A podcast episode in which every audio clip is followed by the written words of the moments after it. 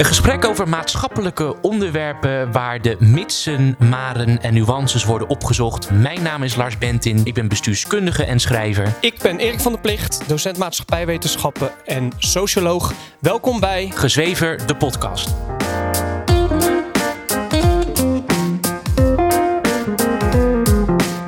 Heel Ja. concreet voorbeeld is een bioscoopzaal zaal, Ja. waar je in gewoon een film wil kijken, waarin er altijd wel een groepje mensen is of een koppel Ja. die gewoon niet zijn bek kan houden. Ja, inderdaad. Ja, ja, ja. En waarin iedereen het gevoel heeft van ja, we kunnen er ook niks over zeggen, want dan krijg je weer ruzie, dit en dat en zo. Terwijl het andersom moet zijn. Modern voorbeeld is de body positivity movement, waarin mensen met obesitas dat dat wordt geprezen, Ja. als in iedereen mag lekker zichzelf zijn, er gelden geen sociale normen en waarden meer, Ja. en dan moet diegene lekker zelf weten. Terwijl het uiteindelijk dus gewoon levens kost. Ja, daar zijn we weer. Hoi Lars. Hallo. Hi, leuk je weer te zien. Nou, we hebben dus ons drie luiken over smartphoneverslaving afgesloten. Ja, Ik heb dat echt als heel erg leuk ervaren om die Ja. afleveringen te maken. En waar ik mee wil beginnen is wat reacties van luisteraars. We Ja. hebben van luisteraars wat reacties gekregen. En dat is eh, echt heel erg leuk. Jij hebt van Steven, dat is een luisteraar van ons. ja. Wat eh, had hij, heeft hij jou verteld? Hij vertelde dat hij het herkende, het verslavingsgevoelige aspect van smartphones en sociale media. Ja, En hij had dan een slot op zijn mobiel gezet, Ja. zodat hij bepaalde apps of niet meer kon gebruiken of een maximaal aantal Ja. minuten, als ik het Ja. goed heb. En wat ik nu ga vertellen laat ook gewoon duidelijk zien hoe, hoezeer je jezelf gek kan maken. Of in ieder Ja. geval voor de gek je kan houden. voor de gek kan houden Ja, of je- ja. hoe je jezelf kan ondermijnen. Ja, inderdaad. Want hij merkte op een gegeven moment dat er een loophole zat in het systeem. Ja. Dat als je hem aanzette, dat je dan een paar seconden had Ja, om, om- toch om door dat, sl- dat slot heen te gaan. Ja, waardoor je alsnog gewoon alle apps Ja, kon gebruiken. precies. Dus, ja. Dus hij merkte bij zichzelf dat hij dat toch ineens elke keer ging doen. ja. En, en dat hij, hij zei ook van ja, maar, wat, hè, maar hoe, het is toch bizar dat ik dat Ja. doe. Dat Ja. slaat echt Dan helemaal ben je nergens jezelf op. echt volledig voor de gek aan het Ja. houden. Ja. En mijn eh, vriendin die eh, vertelde dat ook, dat toen ze, zeker toen wij met een concreet stappenplan kwamen, dat ze dat toch wel moeilijk vond om te horen. Omdat je dan ook ineens merkt, oh, ik krijg nu ook stappen aangereikt, zodat ik er concreet iets aan kan Ja. doen. En dan kan je dan jezelf moet je ook wel niet, ja, dan moet je wel. Je kan Ja. niet tegen jezelf zeggen van ja, nou dat doe ik wel een keer, weet je wel. Ja, ja, ja. Ja, dat is wel interessant om te horen. Een andere luisteraar, Juri, die zei dat ook, dat hij daar ook zo'n timer op wilde, Ja. wilde zetten. Ja, hij eh, stuurde mij inderdaad een bericht dat hij het ook een hele leuke aflevering vond en dat stappenplan ook heel handig vond. Maar dat hij niet over wilde gaan op het volledig verwijderen Nee. van bepaalde apps, omdat hij het gebruik Ja. van die apps ook leuk vindt.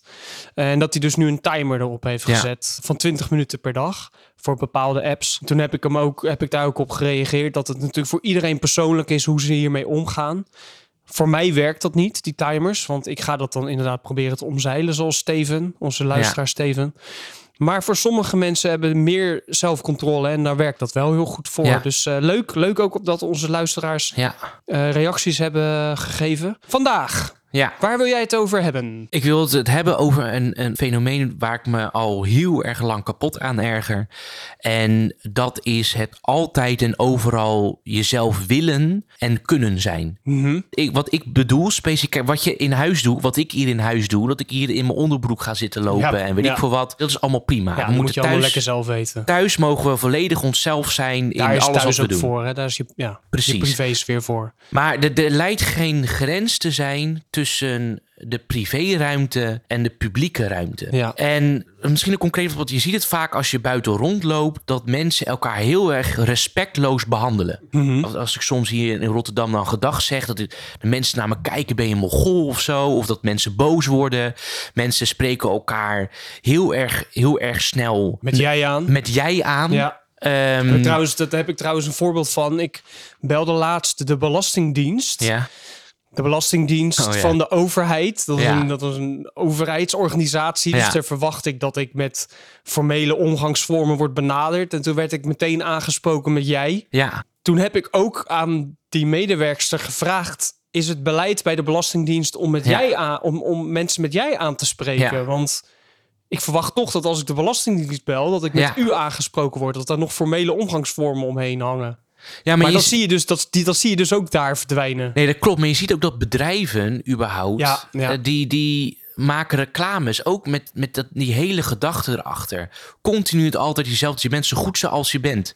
Ja. Eh, je bent wie je bent. Je hoeft niet te veranderen. Nee. Eh, Er is een soort schijnwerkelijkheid opgeworpen waarin jij zo goed bent zoals je bent en de rest van de wereld moet veranderen. Ja, Dat- je, dat- heb je, krijg je dat idee daarvan? Idee krijg ik, krijg ik wel vaak. Dat een beetje de rode draad is. De maatschappij is kritisch tegenover je. De maatschappij verwacht dat jij Ja. op een bepaalde manier moet zijn.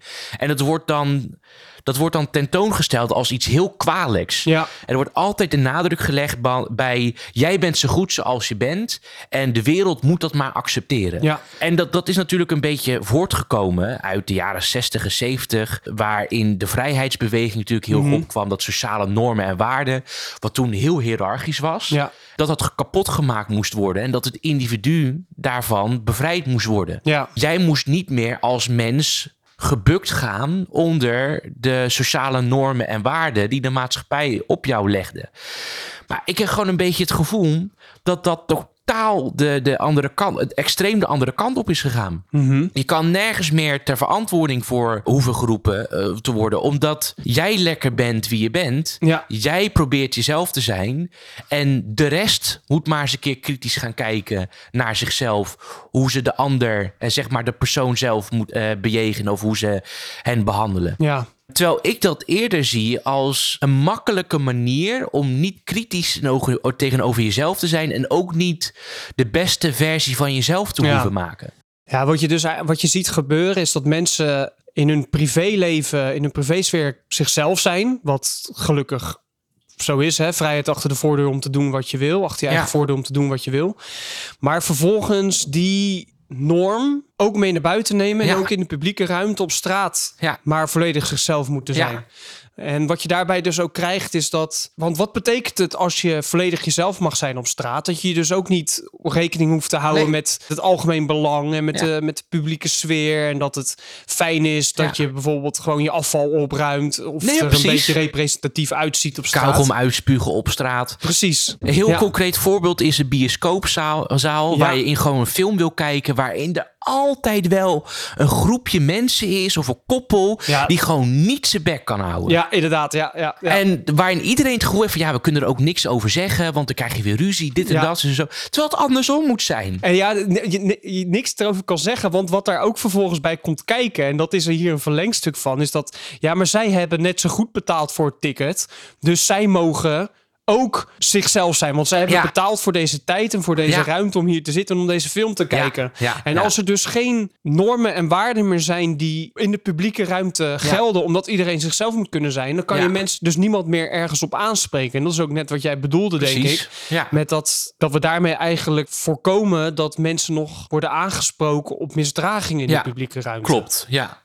Ja, want wat is de stevast de reactie als iemand terecht, en moet ik wel zeggen terecht wordt aangesproken op zijn of haar gedrag? Ja, Kijk lekker naar jezelf. ja, Bemoei je lekker met je eigen leven. ja. Weet je dat? dat die Ja, houding. ja, inderdaad. Bemoei je lekker met je eigen leven. Die houding, Ja. daar heb ik het concreet over. Ja, want wat, wat je gaat krijgen als mensen volledig zichzelf altijd en overal maar mogen zijn. Als iemand thuis continu een rommel maakt van zijn kamer of van zijn huis, dan zou die dus ook een rommel mogen maken van de publieke ruimte. Ja. Ik heb daar een keertje met een vriend van mij over gehad. Dat ik wel eens mensen op straat zie lopen die letterlijk hun afval op straat gooien. Ja. Dat ze met een, een, een zakje patat in hun, hand, in hun hand lopen, de patat is op en dat ze het op straat gooien alsof het niks is. Ja. Dat is echt een van mijn grootste ergernissen, überhaupt dat soort gedrag. Ja. En toen zei hij, ja, dat komt omdat die mensen thuis, daar is het bij hen thuis is het ook gewoon één grote rotzooi. Ja. Dus zij weten niet anders dan dat dat gewoon normaal gedrag is. Klopt. Ja. Daar ben ik inderdaad over gaan nadenken. Toen dacht ik van ja, dat klopt inderdaad wel. Mensen die denken van thuis doe ik dat, dus dat kan in de publieke ruimte ook. Maar waarom zou, d- misschien kun je de luisteraar uitleggen, waarom kan dat niet in de publieke ruimte? Wat is, er, wat is het verschil tussen de privéruimte en de publieke ruimte? Het, het grote verschil is, is dat thuis je alleen verantwoording aan jezelf eh, hoeft af te, leggen. Of aan je directe omgeving, directe familieleden of eh, ja. En in de publieke ruimte heb je een set van normen en waarden die iedereen deelt. Dat is eigenlijk de, de dat zou de uit, het uitgangspunt Iedereen moeten zou zijn. moeten delen. Ja. Zodat juist iedereen, wat het verschil ook is, wat de achter, afkomst ook is, achtergrond ook is, wat de levensovertuiging ook is, weet ik voor wat dat zij allemaal met elkaar kunnen samenleven. Ja. Je hebt een gedeelde set van verwachtingen Ja. in het sociale verkeer, of in ieder geval Ja. gedrag, Mhm. die ervoor kan zorgen dat ieder persoon die van elkaar verschilt, alsnog met elkaar kan samenleven, omdat je met elkaar samen hebt afgesproken. Zo moeten we met Ja. elkaar omgaan. Ja, ik, ik vertel mijn leerlingen altijd de eerste les van het jaar, maatschappijleer. Zodra je de voordeur uitstapt, stap je de maatschappij in. Ja. De maatschappij is wat anders dan bij jou thuis. Ja. Bij jou thuis doe je waar je zelf zin in hebt. Ja. Maar zodra je de maatschappij instapt, gelden de andere normen en waarden. Ja. En dat zie je dus langzaamaan veranderen zodra mensen eh, zich altijd maar zichzelf moeten kunnen zijn. Ja. Want dan kunnen we elkaar in de publieke ruimte dus ook niet meer aanspreken. Inderdaad, waar we net al over hadden.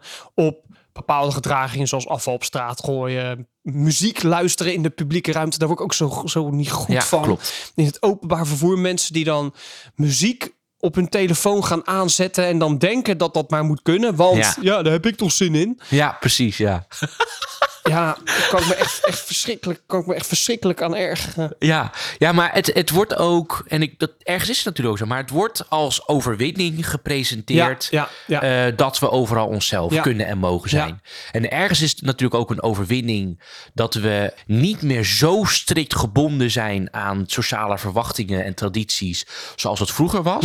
Maar dat neemt niet weg dat er wel bepaalde tradities en omgangsvormen, gemeenschappelijke omgangsvormen en normen en waarden, dat die er moeten kunnen blijven bestaan. Dat betekent niet dat je niet begrensd moet worden in je eigen gedrag. En daar lijkt het ja. soms dus wel op. Ja, dat, dat, dat, dat we niet meer begrensd mogen worden in ons eigen gedrag. Nee. En ik, ik, woon, ik woon boven een Albert Heijn en daar zie ik dat heel vaak gebeuren. En dan komen er mensen aan de kassa die niet eens gedag zeggen. Nee. En oordopjes inhouden, op hun telefoon blijven of blijven bellen terwijl ze... ja. Oh, ja. Dat soort gedragingen, daar, daar wordt niets van gezegd. En dat is echt een probleem wat mij betreft. Ja, ik wil het wat meer concretiseren. Ik wil het wat ook wat mooier vertellen. Ik heb een artikel gevonden en het komt uit 2002. Is een stuk dat gaat over een toespraak van Doreen Pessers. Die was toen hoogleraar aan de Vrije eh, Universiteit in Amsterdam. En de titel was Hou op met gewoon jezelf te zijn.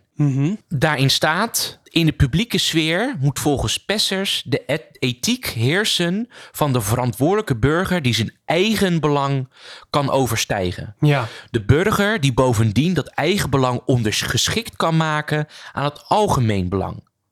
Zij ziet de teneur in de samenleving en politiek juist de andere kant uitgaan. En dat werd toen al gezegd, in 2002. In 2002 werd dit al gezegd dat de teneur die kant op ging. En het is alleen maar erger en erger en erger geworden.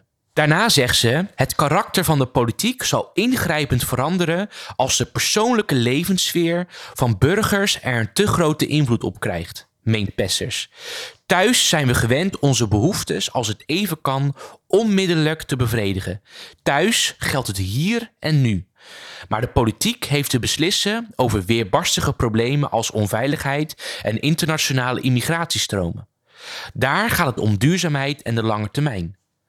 Steeds meer mensen verliezen dat uit het oog en zetten hun persoonlijke verlangens om in eisen aan de politiek. Zij willen vrijheid van handelen zonder acht te slaan op de sociale gevolgen of hun eigen verantwoordelijkheid. Daarvoor hoe- houden zij de politiek juist verantwoordelijk. Iedereen heeft recht op een auto en onbeperkte mobiliteit. De overheid mag de vervuiling en de files bestrijden. Iedereen heeft recht op onbeperkte gezondheidszorg. De overheid draait op voor de tekorten. ja, heel mooi omschreven. En het gaat mij, mij hier om dat je jezelf kan overstijgen. Dat je jezelf ondergeschikt kan maken. En in onze samenleving lijkt het individu, en jij als persoon, het middelpunt van alles te zijn. Ja, En wat ik ook zie, is dat, of wat ik denk te zien, is dat we daar ook niet meer van terug willen komen. Het lijkt alsof we elkaar ook niet meer willen aanspreken of normen en waarden willen afdwingen, omdat wij dan ook ineens verantwoordelijk worden gehouden voor onze eigen daden en voor onze eigen keuzes. En dat is natuurlijk heel erg moeilijk. Dus dat, dat aspect vind ik ontzettend moeilijk om mee om te gaan. Omdat ik dan denk van, hoe komen we hieruit? Hoe komen we uit deze balans? Waarin aan de ene kant jezelf kan en mag zijn. En aan de andere kant niet zo erg ver doorgaat dat niemand meer verantwoordelijk gehouden hoeft te worden voor zijn of haar daden.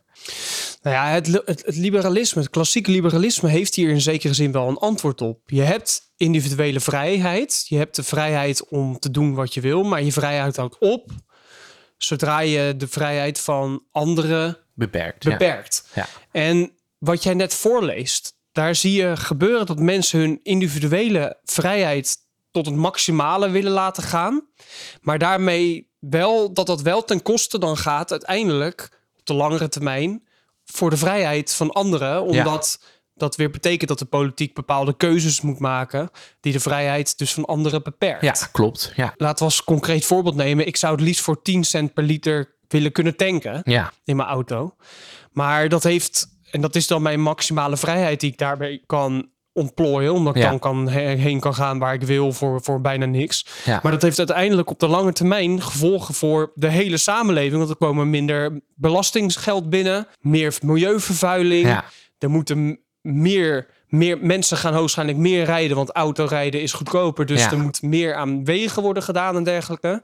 Dus mijn individu- individuele vrijheid kan ik wel maximaal willen ontplooien, maar die houdt wel op waar de vrijheid van de ander begint. Ja. En de vrijheid van de ander is steeds meer uit het oog, Ja. uit het oog geraakt. Ja, nou, ik denk dat het ook is, want je hebt het over de vrijheid van de ander, maar het is ook niet duidelijk wat eh, die vrijheid van die ander is. Ik bedoel, Nee. Het is altijd een, een, een, moeilijke discussie die je dan voert van oké, maar waar begint dan de vrijheid van de ander? Zeker, ja. Het probleem is alleen dat wij in deze samenleving überhaupt geen discussie Nee, meer voeren voeren we niet. over wat die grenzen Nee, want, zijn. ieder, want iedereen moet zichzelf kunnen Iedereen zijn. moet zichzelf kunnen Ja. zijn. Ja.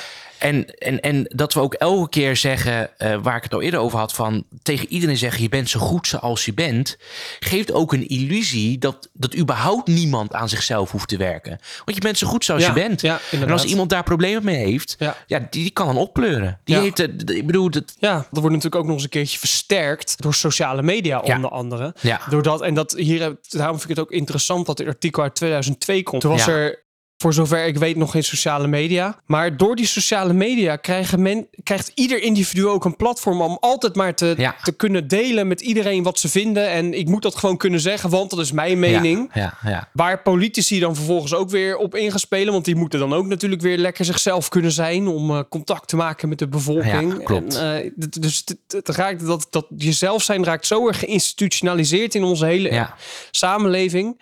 Waardoor ik dat inderdaad ook niet zie veranderen. Nee, dat ook. En ik denk dat dat als gevolg heeft dat je überhaupt niet meer kan samenleven.